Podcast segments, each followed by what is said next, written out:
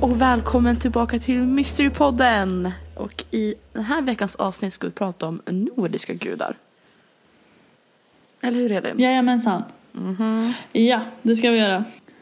Vi har ganska många gudar, eller hur? Ja, många, många som det står säkert mer om och sen några korta som inte står så jätte, jättemycket om. Ja. Men ska du börja med en av dina gudar då? Ja, det kan jag väl göra. Jag har ju en del, ja, eller ja. Alltså de går in, i- de kommer, går in i varandra. Mina står ju lite om dina också.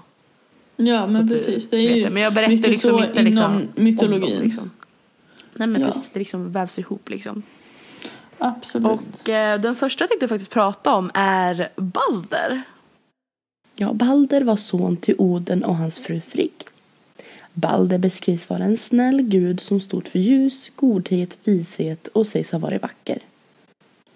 Och han var omtyckt bland de andra asagudarna. Frigg var väldigt rädd om hennes son Balder. När han hade mardrömmar om att han skulle bli mördad så lät hon alla väsen svära på att de inte skulle skada honom. Alla hade svurit på att inte skada honom förutom en liten mistel. Loke, han tröttnade på att ingen kunde skada Balder. Och många av gudarna brukade skjuta pilar mot Balder, men det vek alltid undan.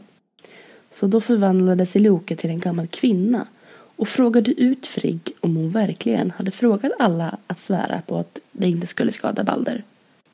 Så Loke kunde då luska fram att Frigg inte hade frågat en liten mistel.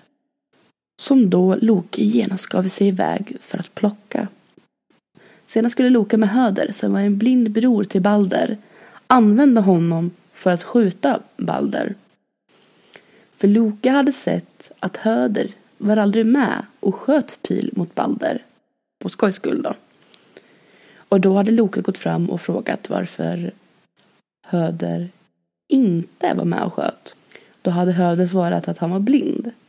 Och det gav Loke en idé. Så Loke sa Jag hjälper dig. Jag kan sikta åt dig och så skjuter du iväg pilen. Men det Höder inte visste var att Loke hade bytt ut pilen mot en pil gjort av misten som inte hade svärt att inte skada Balder. Balder träffas av pilen och dör. Balder förs sedan till dödsriket, Helheim, men Frigg ger inte upp. Hon ber då sina söner att ta sig till dödsriket för att be Hel att befria Balder. Hermod av sönerna är modigast nog att ta sig till dödsriket. Vägarna dit är få och svåra för de levande, men inget stoppar Hermod. När han väl har kommit in i dödsriket så förhandlar han med Hell. Till slut kommer hon på ett sätt som hon endast kan gå med på. Hermod återvänder hem till Asgård och berättar Hells enda begäran, vilket Frigg genast går med på. Kravet är att alla väsen ska sörja Balder. Hon lyckas med det tills hon möter en jättinna. Jättinnan heter Tök som bor i en grotta. Men hon säger att hon inte kommer fälla en våt tår utan det Hell har fått ska hon behålla. Många tror dock att Tök egentligen var Loke som var utklädd. Det finns en sägen att efter Ragnarök så kommer Balder tillbaka med sin bror Höder.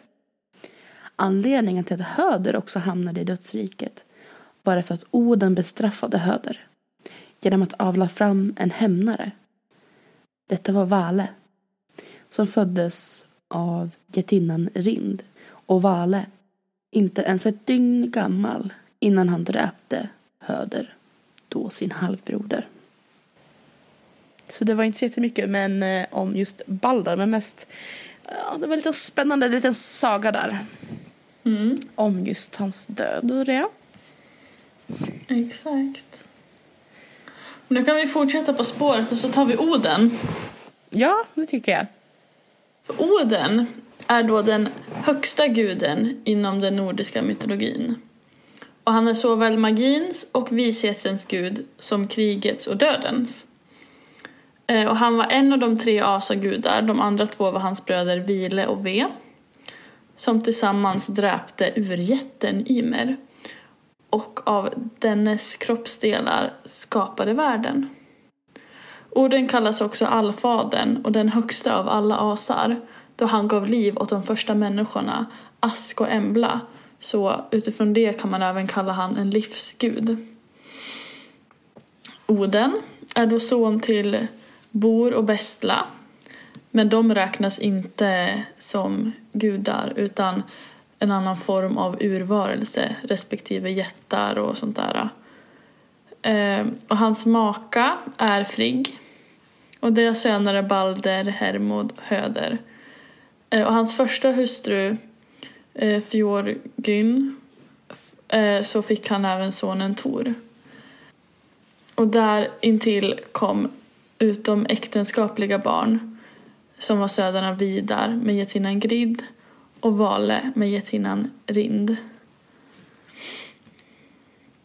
Eh, Oden rider då på en åttafotad häst som heter Sleipner eh, som sades vara den snabbaste av alla hästar.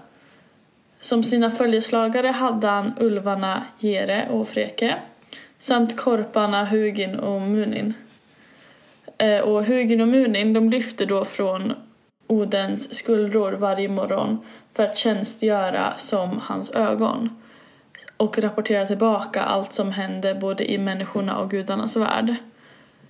Eh, och som attribut har Oden spjutet, Gungner och den magiska ringen Draupner. Eh, Oden har då bara ett öga då han offrade sitt ena öga när han skulle dricka ur Mimers brunn. Med andra ord vishetens källa.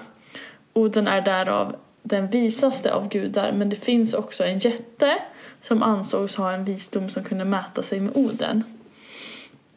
Och i Edda-dikten eh, Vafrunders mål skildras hur Oden uppsöker jätten vid namn eh, Vafrunder för att mäta sin visdom med dens. Fast han gör det under förklädnad och kallar sig Gangråd.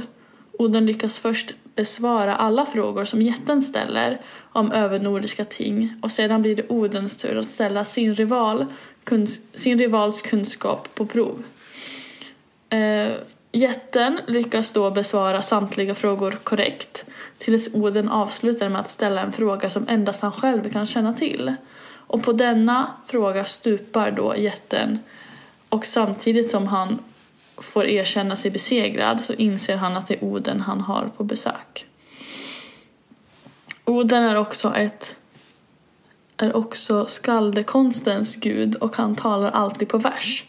Det sägs också att det är Oden som gett upphov, upphov till runalfabetet. Vid ett tillfälle så offrade han sig själv, åt sig själv, genom att spetsa sig med ett spjut och hänga sig i ett träd. Eh, då han hängde i trädet nio dagar och nio nätter utan mat och vatten och piskad av vinden så uppenbarade sig runorna för honom. Oden delade sedan med sig av de här runorna och den visdomen till människorna. Under sina offerhandlingar såg han syner och fick hemlig visdom.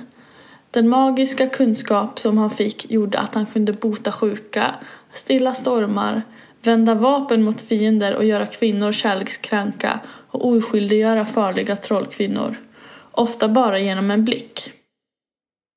Som krigets gud, eh, Oden ska ha igångsatt kriget mellan asarna och vanerna genom att slunga sitt spjut över vanernas krigare. Det var honom vikingarna bad till för lycka i strid. Efter framgång i strid så återbetalade de sedan Oden genom att låta de stupade motståndarna bli människooffer till krigsguden. Oden har en extatisk sida i sin karaktär som är kopplad till hans roll som krigsgud. Denna extas kan även ha överförts på vissa krigare, så kallad bärsäkrare, som stred med osedvanligt raseri. Och Valhall var Odens boning och krigarnas paradis. I Valhall hamnade hälften av de som dött i strid och hämtats av valkyriorna. Eh, och den andra hälften fördes till folksvagn av Freja, medan de som inte dött ärofyllt hamnade i Hel. Valkyriorna var ett slags väsen vars uppgift var att servera de fallna kämparna i Odens stora festhall. Platserna i Valhall var exklusiva och reserverade enbart för de som dog en värdig död i strid.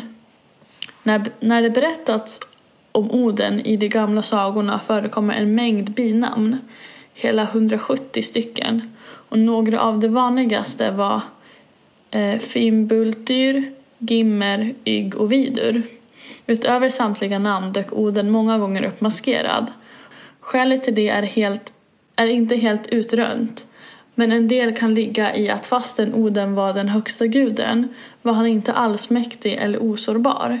I den forntida nordiska mytologin lurade faror även för gudarna.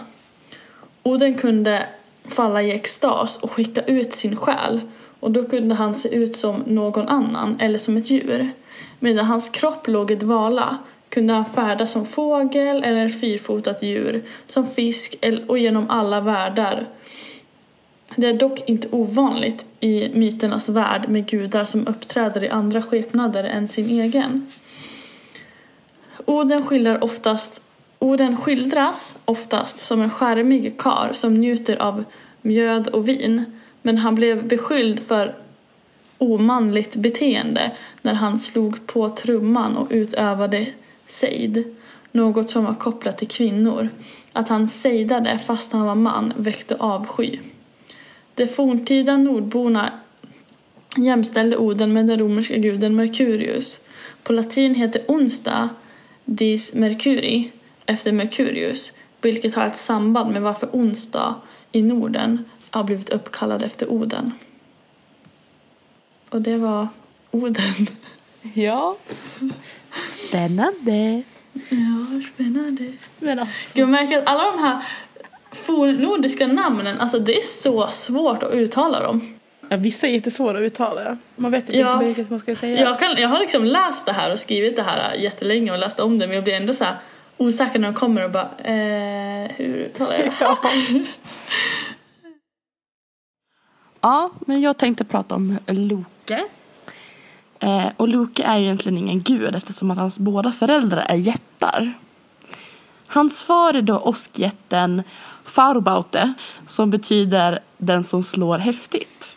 Och han var då gift med Lokes mor och jättinnan Laufey vars namn betyder Lövön. Eh, jag fick lära mig ett nytt ord också. Men eh, ja, och det är ju en så kallad kenning. Och en kenning är tydligen en omskrivning och en försköning på ett, ett ord, ord eller uttryck. Eh, för hennes namn betyder egentligen typ träd i grund och botten. Mhm. Men de skrev om det. Ja, det låter mer fancy att heta Lövön. Det låter faktiskt finare. Eh, Men Loke har också två andra bröder, Baelist och Helblindi. Och det är tre, tre föddes samtidigt faktiskt. Då Farbaute befruktade Laufey med en åskvigg. Så frågan är då om man kan kalla dem för trillingar. Ja, Skämt åsido. antagligen. Eh, Men oavsett om Loke är en jätte så var han med, med asagudarna inne i Asgård. Han ingick också en fosterbrödslag med Oden. Vilket eh, fosterbrödslag innebär en djup förbindelse med två män i princip fostrades upp tillsammans men hade inga släkt eller blodsband med varandra. Men ja, frågan hur det var egentligen mellan dem vet jag inte. Men ja. Loke var gift med eller Sigyn och de fick två söner ihop vilka var Vale och eh, Narfe. Men Loke hade två barn med getinnan vid namn Angerboda som betyder sorgebåderska. Och det fick tre barn ihop som är Hell som betyder den gömda och vilket är då dödens gudinna som härskar i dödsriket. Eh, vi nämnde faktiskt också Hell lite i avsnitt 19 som handlade om döden. Om du kommer ihåg det? Ja. Eh, och då nämnde jag exempelvis vilka som kom till Hells rike och vad det heter, alltså Helheim. Som i princip betyder det gömdas hem. Men nu ska vi prata mer om Lokes andra barn. Som också är syskon till Hell. Och Eh, det är Fernis, Fernisulven. Och det betyder den som gömmer sig i myren. Och den ska tydligen vara ett ondskefullt väsen i varje skepnad. Det finns många sagor, sagor om just eh, Fernisulven. Men det kan man ta upp en, en annan gång. Eh, men jag kan ju nämna att Fernisulven blev fängslad och inväntar även han, eller den, Ragnarök. Och tredje barnet då, det är Midgårdsormen som slingrar sig runt jorden och biter sig i sin lilla svans. Och jag hittade ju någonting lite roligt text när jag läste lite snabbt om Midgårdsormen. Ja, detta var efter, ja, hur eh, bland annat Midgårdsormen hamnade först i, i världshavet som den åker runt i. Ja, detta var i alla fall efter att orden lät först Lokes barn bo i Asgård. Och då pratar jag om både Hell, Färnisulven och eh, Midgårdsormen. Men då när Midgårdsormen blivit alldeles för stor fann orden det nödvändigt att göra sig av med den. Varav han kastade den i världshavet. Midgårdsormen fick då växa sig där så den blev lång och kunde slingra sig runt Midgård och bita sig själv i svansen. Men det var också orden som kastade ner Hell i Hellheim, alltså dödsriket då. Och eh, det vore väl då inte mer än rätt att han kastade ut Färnisulven också. Men jag hittade dock ingen information om detta så jag antog bara att han slängde ut den. Ja men Loke då, han var, han var eh, verkligen någon som fick en hel del barn. Och då har jag inte ens nämnt vad som hände med hans två första söner han fick då med Sigyn. Eh, men jag tänker nämna det sist eh, och fortsätter kort om hans då sista barn som inte nämnde än. Och det kan man väl säga att han tekniskt sett är mor till. Du har faktiskt nämnt det här barnet tidigare. Då tänker du, jaha. Spännande. Eftersom Loke är en hamnskiftare, alltså en eh, som kan byta skepnad. Och då ska jag, istället för att berätta hela storyn om varför, så förkortar jag den här berättelsen. Och det börjar då med att asagudarna var rädda om att förlora Freja, måne och sol till en jätte som hade bett detta i lön för att han skulle bygga en mur åt asarna. Asagudarna då visste inte om att jätten fick hjälp av hästen Svadilfare som var en mycket stark häst. Så asarna blev arga när de insåg att jätten nästan var färdig med muren och var då rädda att förlora Freja och syskonen Måne och Sol till jätten. Så då hotade asande Loke om han inte kunde finna ett sätt att hindra jätten att bli klar med muren.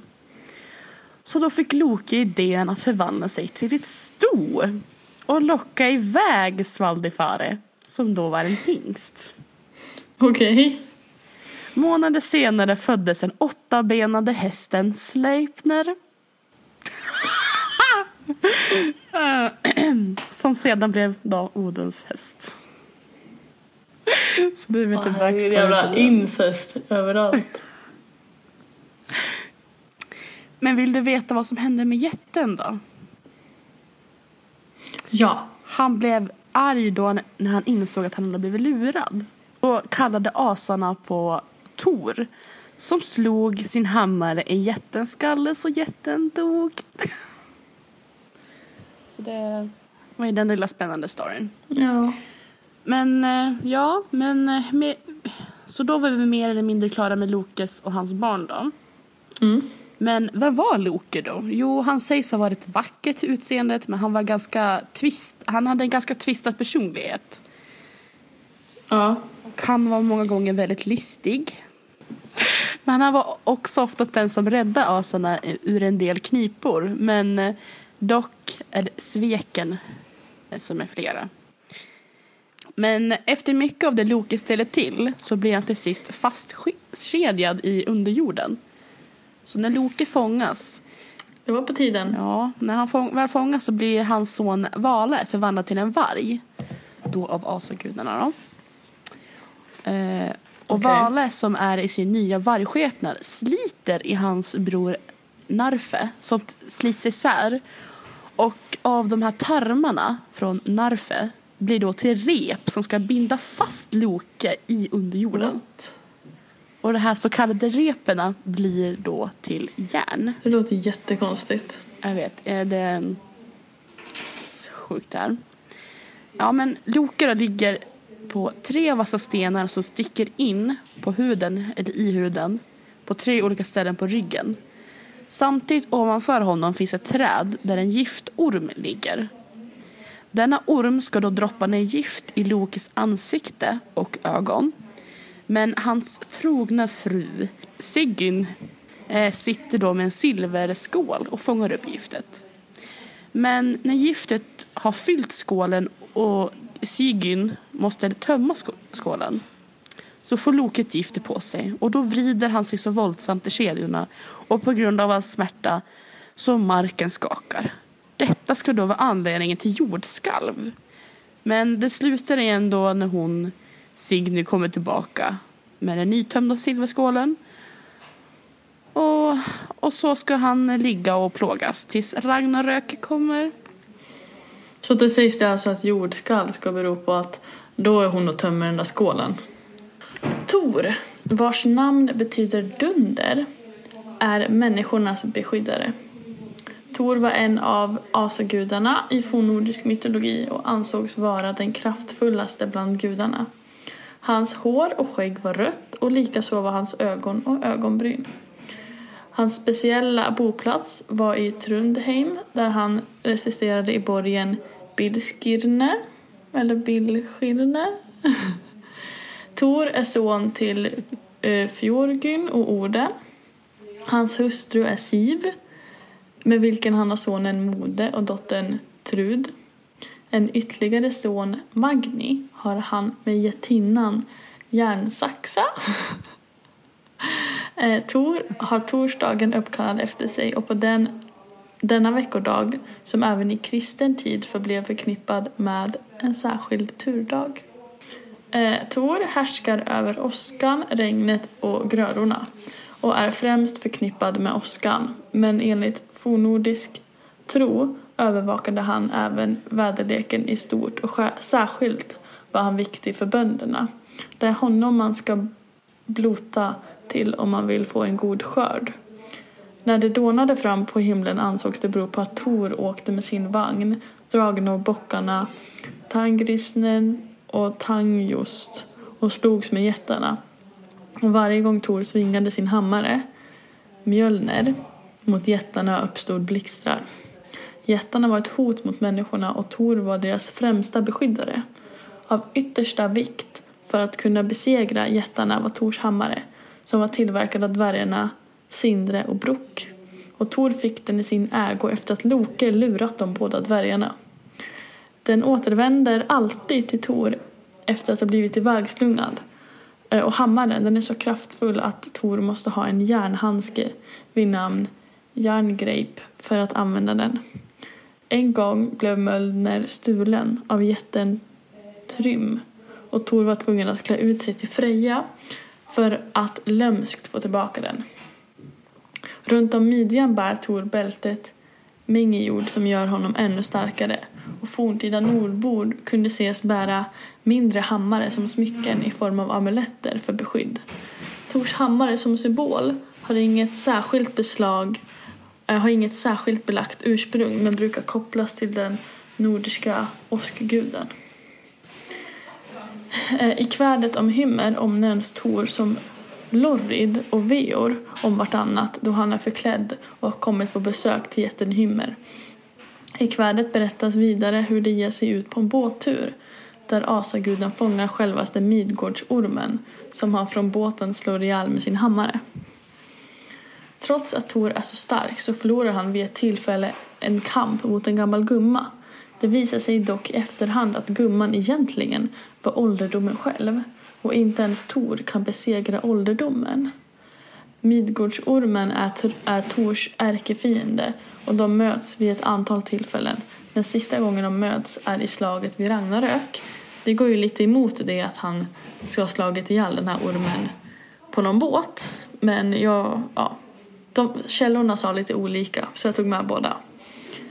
Eh, jag läste faktiskt lite om just den eh, berättelsen. Tor har idag blivit en älsklingsgestalt i den nordiska mytologin. Det framgår inte minst genom den popularitet som Tors hammare har fått bland alla som är intresserade av fornnordisk religion. men Tors hammare var en populär symbol redan under vikingatiden eftersom den sades skydda mot ondska. Och det var Tor. Ja. Jag ska dock att alla hans kläder hade olika namn ja, jag vet. Man bara, alltså snälla, vem fan döper sitt skärp liksom? Jag bara, eh, I'm gonna do that. Man bara, är det något så här, har skärpet ett eget liv eller vad fan är problemet? Alltså, och det är så mycket med, när jag läste på om de här gudarna, så så här, ah, med deras skärp vid namn, bla bla bla, och deras hammare vid namn, bla bla. Man bara, men alltså kan den inte bara heta hammare eller vadå? Nu kan du köra nästa. Nej, jag tänkte faktiskt ta den kortaste. Ehm, det finns ju, jag såg att det fanns några andra sådana också, men jag tyckte hon hade ett roligt namn. Hon heter ju Snotra. Snotran. ja, det var ett roligt namn. Ja, nej, och det är ju en gudinna. Fast nu heter ju alla gudinnor heter ju inte gudinnor, det heter ju typ något annat. Ja, Jag har inte haft orkar och slakt det på minne. nej, jag Så jag kommer alltid säga gudinnor till alla kvinnor som är gudar. Ja. Ehm, ja. Men hennes område var ju då klokheten. Fast tydligen är ju inte det klokare än Oden då. Han, Mm. ja, redan, det vet vi redan nu. Men hon ska då tydligen besitta kunskapen hur man, hur man för sig. Vad vad det menas med det, det vet jag inte. Eller typ hur man beter sig antar jag väl. Kan, ja, kanske. Eh, men eh, dock så finns inte jättemycket information om henne. Men hennes namn Sontra ska ju betyda den kloka. Mm. The end. Men det är allt. Ja, det var allt! Oj! Eller ska jag, ska jag ta en till då? Ja, eller så kan jag Jag ta Freja emellan. med. Men... Ja men kör på du. Du var ju så duktig där med Toroden och nu kan du ju ta Då kör vi Freja. annan. Ja, Eller Frej blir det första kan man säga. Frej kom först. Ja, Vad fan. Vadå då? Äh, kötta på du. Ja. Den nordiska, I den nordiska mytologin är Frej, eller Frö som den också kallas, son till Njord och tvillingbror till Freja.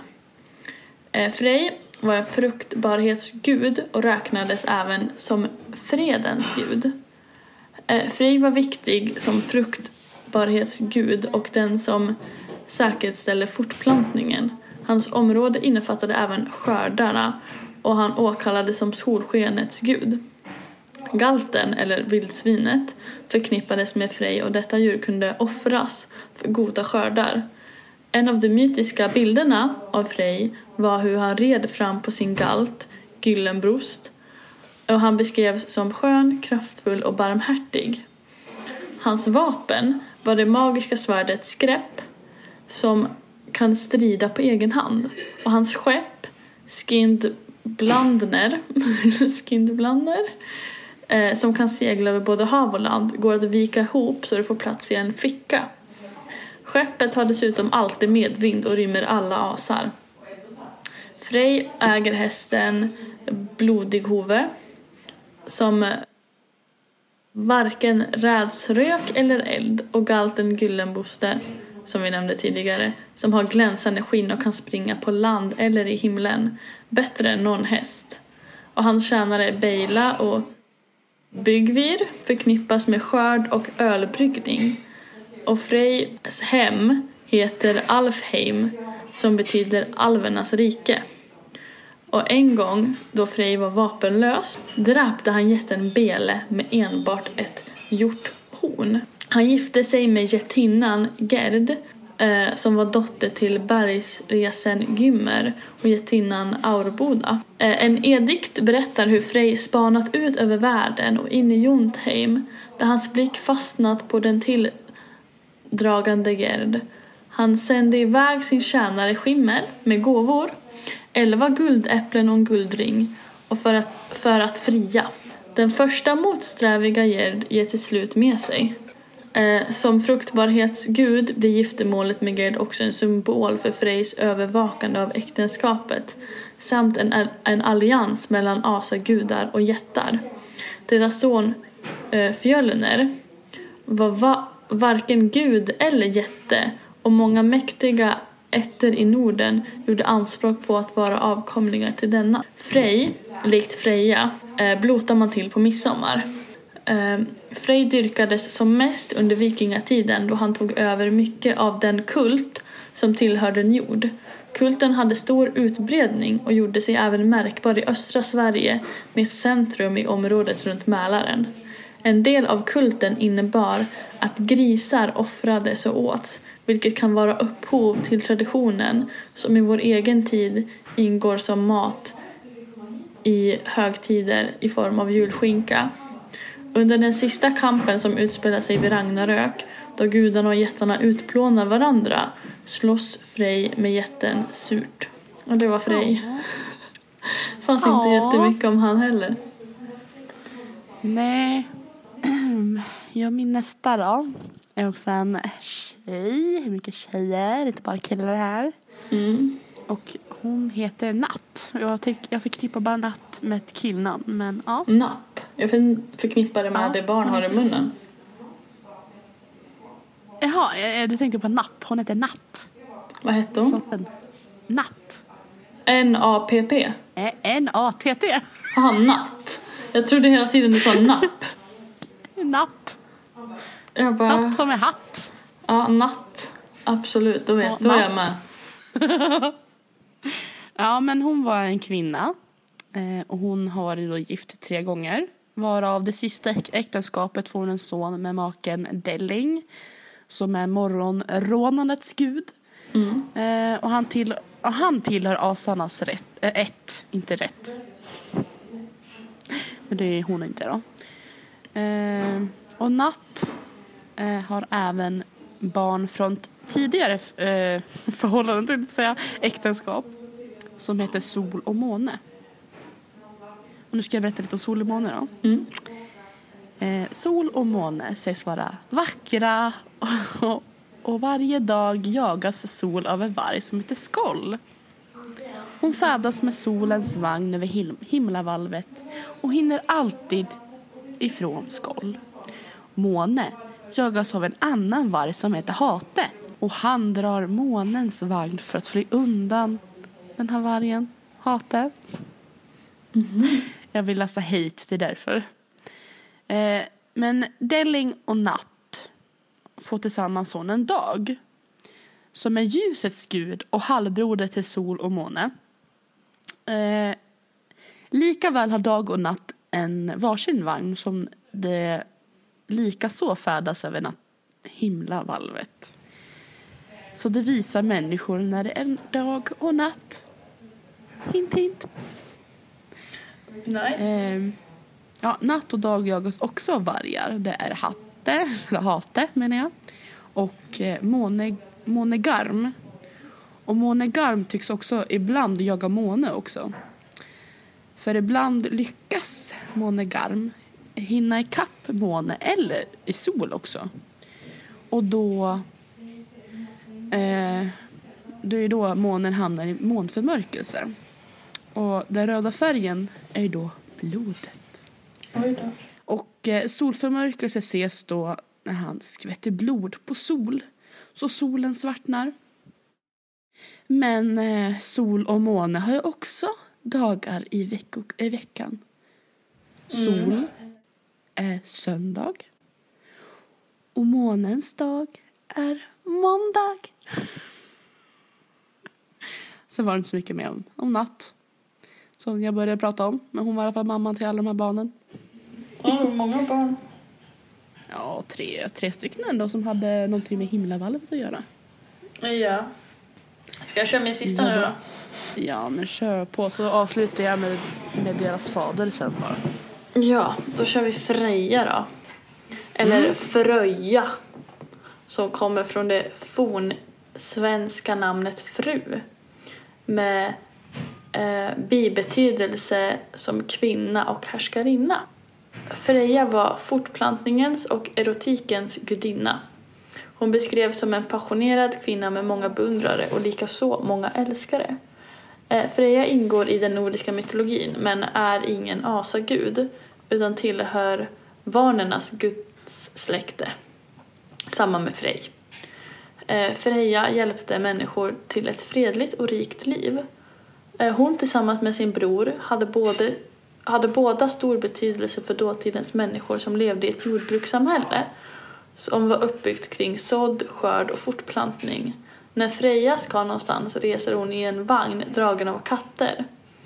Eh, Freja med sin stav kan konsten att förutsäga framtiden, att sejda och hon lärde ut spådomskonsten till Oden. Freja har också en mörkare sida som krigsgudinna. Hälften av de krigare som dör i strid kommer till hennes gård i folkvagn, eh, som är Frejas jättelika boning i Asgård.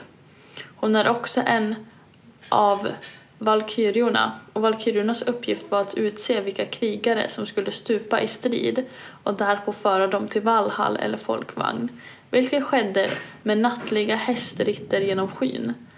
Eh, det ansågs mer ärofyllt att föras till Valhall, en ära som tillföll så kallade Einherjar och det som stupat mest tappert. Eh, Freja påverkade människor och djurs fruktsamhet. Ibland offrade folk till fruktbarhetsgudinnan eller någon av de andra gudarna för att få hjälp i deras tillvaro. Mest vanligt var det att offra för att få en bra skörd eller ökat välstånd på annat sätt. Eh, forskning har också visat att vid enstaka tillfällen förekom människooffer i Norden vid den här tiden. Eh, Freja bär halsbandet Brisingam, Brisingamen som smitts av dvärgarna. Det finns olika historier om hur guldhalsbandet tillföll gudinnan och en historia berättar att Heimdall eh, skänkte det till Freja efter att ha vunnit det i en duell med Loke. I en annan version berättas hur Freja beskådade halsbandet och genast ville äga det varpå hon erbjöd en mängd saker i utbyte. De fyra dvärgarna ville emellertid inte skiljas från sitt praktverk. Bara en sak kunde få dem att släppa halsbandet ifrån sig och det var att få tillbringa en varsin natt med henne. Freja ryggade först tillbaka inför det eh, ekvota kravet men kunde i längden inte rata förslaget och halsbandet var alltför bedårande. De fornordiska gudarna bär alltjämt spår i Norden och många platser är döpta efter dem. Antagbart är att svenska orter och områden som Fröland, Frölunda, Frötuna och Fröva kan ha varit kultplatser för Freja. Och det var Freja. Nämen, woho! Jag vet inte Alltså- om du nämnde det. Men Ja. Frösön är ju typ, då de tror också är namngiven efter Frej. Mm, det nämnde jag nog inte. Nej. Men det lät ju lite så här, eh, att hon skulle ha fått halsbandet, alltså typ sålt sig själv för halsbandet. Ja. Jag skrev faktiskt först lite kort om vanor faktiskt. Jag tänkte... Mm. Då har jag redan beskrivit li- lite hur kriget kom mellan dem. Mm. Eller hur? Med Oden, vi pratar om Oden. Oh, Men ja, spännande. som, eh, som vi sa då. Vaner var ju ett annat gudssläkte inom asatron. Mm. Men eh, det sägs också att vaner kom faktiskt från en äldre tro innan asatron. Och att man då adopterade in eh, kanske de vanor man tyckte ja, men det var deras favoriter typ. In då till asatron och sen kombinerade ihop en liten story om varför det var några vanor i Asgård.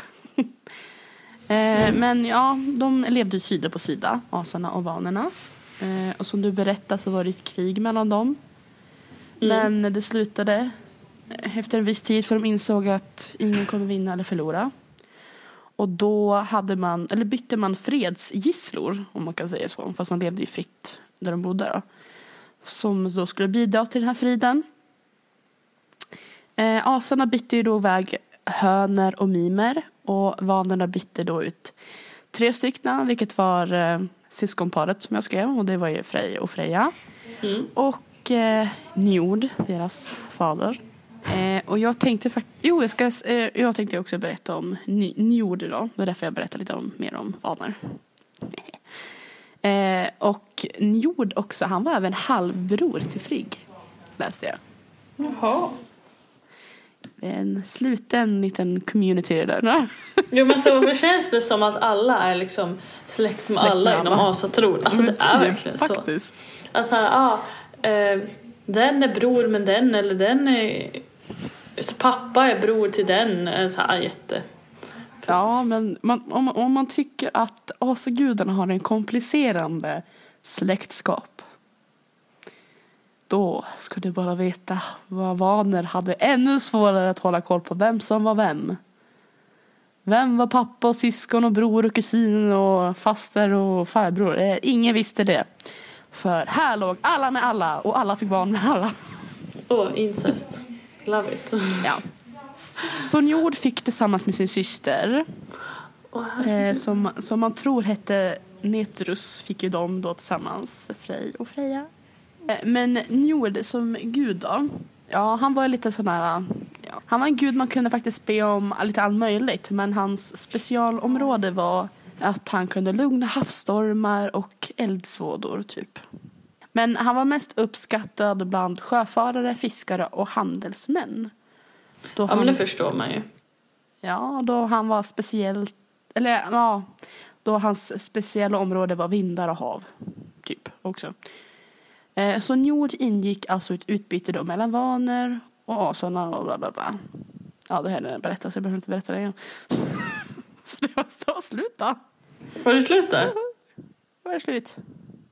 Då var det ja, slut. Mycket om henne.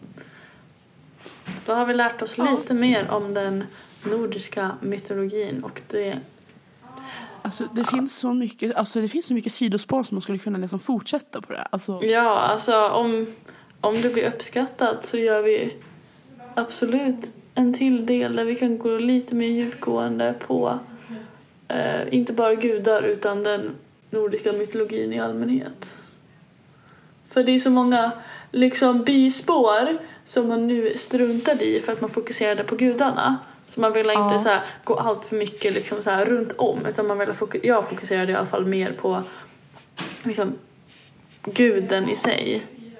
Ja. Och inte så mycket att så här, ja, eh, vad de gjorde i strid och alltså, vad som Nej. berodde på det och så här, du vet lite mer så myter om dem var inte jättemycket som jag sökte efter. Men det är sånt man Nej. kan liksom djupa sig ner i ännu mer. Ja, vi skulle ju kunna hitta typ eh, sagor från Snorres eh, Edda. Exakt. Som är ju nedskrivna berättelser från typ om det är 11 eller 1200-talet. Ja, det tror jag 1100-talet var det. Ja, det var det det. Ja. Så att absolut, så att blir det, eller även om det inte blir uppskattat så blir det ju säkert en del två för att vi tycker att det är så intressant. Det finns alltid någon som tycker om vikingatiden eller har, tyckt om vikingatiden. Exakt. Eller någon som behöver eh, skriva något eh, arbete i högstadiet typ. Ja, precis. Lyssna mm. här, skriv ner. Take notes kids. Var det ju nordiska gudar vi fokuserar på men nästa gång kanske det blir lite mer bara nordisk mytologi i allmänhet. Ja, precis. Att man gör det lite så. Ja, det finns ju andra myter i Finland såg jag också. Ganska ja, spännande. Men det är ju nordiskt. Ja, men det roligaste var att hitta ett sidospår. Och då, eftersom Finland var ju svenskt. Ja. Och Sverige var ju så ah, vi ska inte ha några hedniska religioner, bla bla bla. Mm. Men just i Karelen, för det finns inte kvar idag, men mm. där, var de, där var de ganska liksom det var ju nära ryska gränsen, långt bort från typ Sverige. Och där lyckas man ändå bevara mycket kultur av eh, den här gamla mytologierna. Fram till typ 1700-talet då man började typ teckna ner det. Nice. Det finns oh, ganska mycket så här. Det är lite intressant tycker jag ändå. Mm. Mm.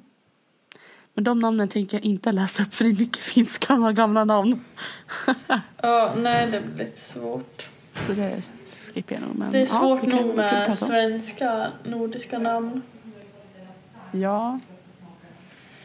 Men innan, jag vet inte hur långt vi kommer podda till, men jag måste ju bara fråga. Vem tror du kommer vinna ikväll? Och vem vill du ska vinna ikväll? Jag tror att Loreen kommer vinna ikväll. Men jag vill att Marcus och Martinus ska vinna. Same! Alltså same. Alltså, För Loreens, alltså, men Loreens låt är bra, men jag tycker Marcus Martinus är bättre. Alltså jag tycker också att Loreens låt är bra, men Marcus Martinus är bättre. Och det som stör mig lite med Loreens framträdande är att det känns typ euphoria all over again med en liten touch. Ja, att hon typ. ligger runt på liksom golvet och liksom så, det känns verkligen som så här, alltså först jag tänkte på var typ så här, jaha, det är Euphoria igen fast med en annan låt och lite coolare scenografi typ. Lite så här, men jag kände liksom att så här, och om man går efter TikTok så har ju folk redan typ så här bara, ah, Sverige kommer vinna Eurovision med den här bangen. Man bara vill inte ens rösta fram Loreen Ni vet. Så jag är ganska säker på att hon vinner. Jag kolla på Marcus Martinus också. Ja men alltså de är ju så, de är så jävla bra låt. Vet. Så att jag hoppas att de vinner. Jag kommer hjärtrösta järnet. Kan vi säga. Sim. Ringer bara och Martinus. Det hade jag aldrig kunnat tänka mig men eh, ja. Ja, nej, så jag vill ju att de vinner men jag tror att det blir Loreen. Jag vet. Åh. Nej men jag håller med. Jag tycker att vi rundar av här. Ja. Eh, tack för att ni har lyssnat på Mysterypodden med mig Elin. Och Cornelia. Och då ses vi nästa vecka igen med ett avsnitt men då utan tema. Ja. Tack och hej, på sig. Exakt.